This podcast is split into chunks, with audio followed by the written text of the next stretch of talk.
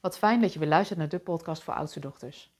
Mijn naam is Aike Borghuis en ik ben net als jij een oudste dochter. En in deze podcast wil ik het graag met je hebben over een valkuil waar ik veel oudste dochters in zie stappen. En wat is nou die valkuil?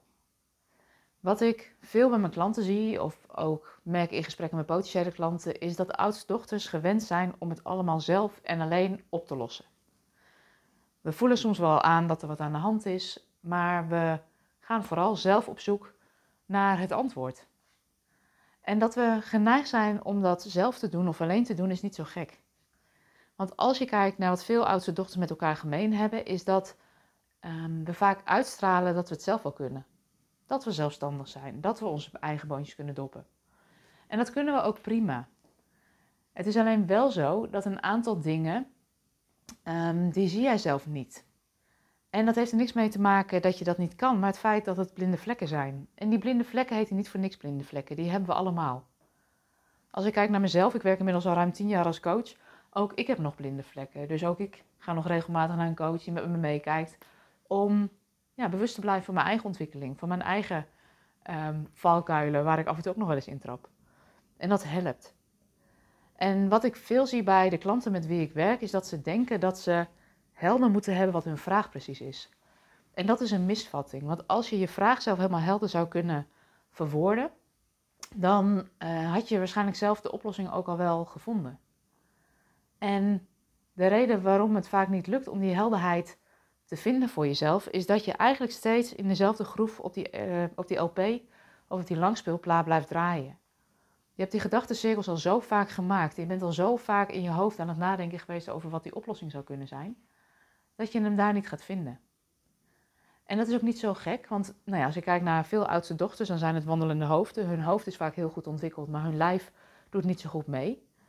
Wat je vaak bij ze merkt, is dat ze allerlei fysieke klachten krijgen. Spanningshoofdpijn, last van je schouders, last van je rug, last van je nek, last van je onderrug. En dat zijn veel voorkomende klachten bij vrouwen die um, niet zo goed in verbinding staan met hun lijf. En als ik kijk naar mezelf, dan heb ik uh, die situatie zelf ook gekend. Toen ik zelf in 2008 vastliep, dus dat was al een paar jaar voordat ik mijn bedrijf begon, toen um, trapte mijn lijf op een gegeven moment op de rem. En dat uitte zich zo in dat ik last had van mijn rug, last had van mijn schouders, ieder weekend hoofdpijn had, vaak ziek werd in de vakanties. En ik vond dat lijf eigenlijk maar ingewikkeld. Dat ik denk, doe gewoon wat je moet doen. Uh, um, ik luister er ook niet naar. Ik gaf er eerder vaak een tandje bij. Zo van, nou, nu even knallen, dan kan ik straks rusten en ontspannen. En achteraf gezien is dat gewoon niet zo slim. Want dat lijf, dat heeft eigenlijk het beste met je voor en geeft klachten op het moment dat je over je grenzen heen gaat.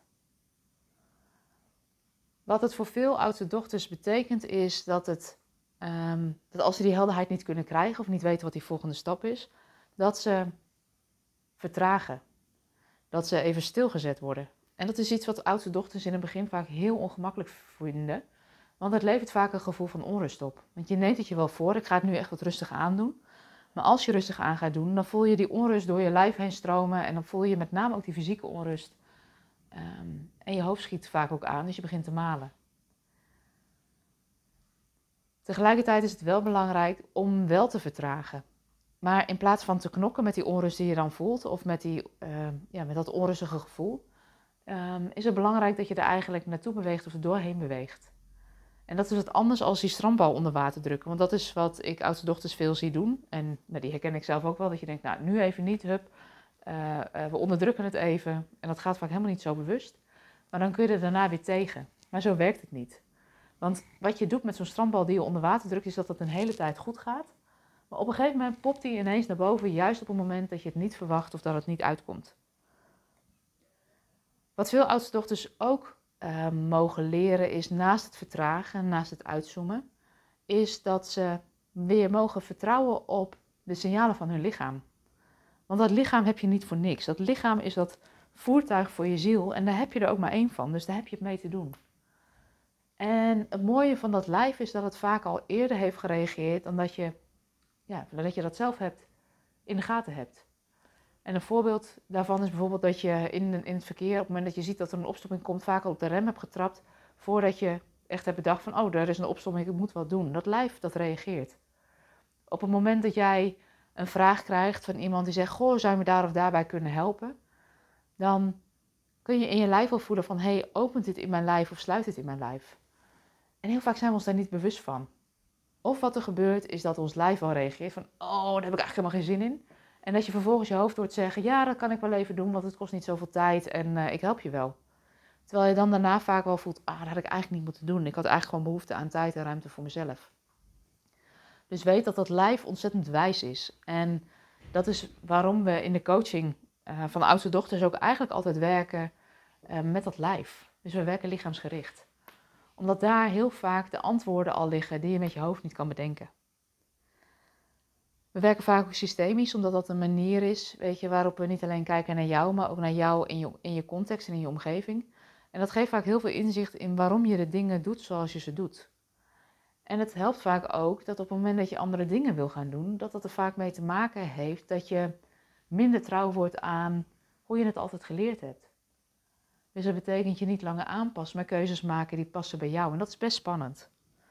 En dat is ook de reden dat we vaak een half jaar met klanten meelopen, omdat die nieuwe vaardigheden leren tijd kosten.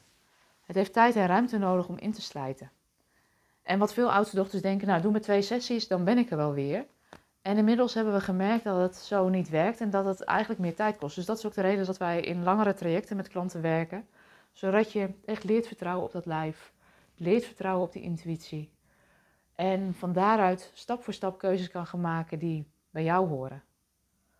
Als je met ons gaat samenwerken, dan blijft het vaak ook niet alleen bij die inzichten, maar je gaat ook echt heel praktisch aan de slag. Dus we maken het ook klein, zodat het te doen is voor je in je dagelijks leven. En ja, mijn ervaring is dat dat gewoon eigenlijk heel goed werkt. En dat durf ik nu ook te zeggen, nu al tien jaar met klanten werken, dat ook het samenwerken in die langere trajecten eigenlijk op lange termijn veel duurzamer is. Omdat je echt een transformatie, echt een verandering teweeg brengt. Nou, mocht je nou een tijd er tegenaan zitten hikken, dat je voelt dat je wel wat zou willen, maar dat je niet zo goed weet wat en niet zo goed weet hoe, dat je je vraag niet helder krijgt. Dat dat al voldoende aanknopingspunt is om met ons in gesprek te gaan. Want in dat gesprek kunnen wij de juiste vragen stellen. We kunnen met je meekijken, zodat je helder krijgt waar sta ik nu? Hoe wil ik me voelen op de langere termijn en wat is daarvoor nodig? Weet dat we je heel graag ontmoeten. Je bent echt van harte welkom. Dus mocht je dat willen, neem dan eens een kijk op de website www.oudstedochter.com en vraag een gesprek aan. En weet dat Ariane en ik je heel graag ontmoeten en uh, je bent van harte welkom. Voor nu wens ik je een hele fijne dag. Um, weet dat je dus je vraag niet altijd helder hoeft te hebben. Dat een gevoel dat, dat je iets anders wil genoeg is om in gesprek te gaan. En um, weet ook dat um, het niet gek is dat het je niet alleen lukt. Want dat lukt eigenlijk niemand. En dat heeft niet met jou te maken. Maar dat heeft te maken met die blinde vlekken die we allemaal hebben. Dus voor nu wens ik je een hele fijne dag. Ik uh, nodig je van harte uit om contact op te nemen. We ontmoeten je heel graag. En uh, tot de volgende podcast. Fijne dag.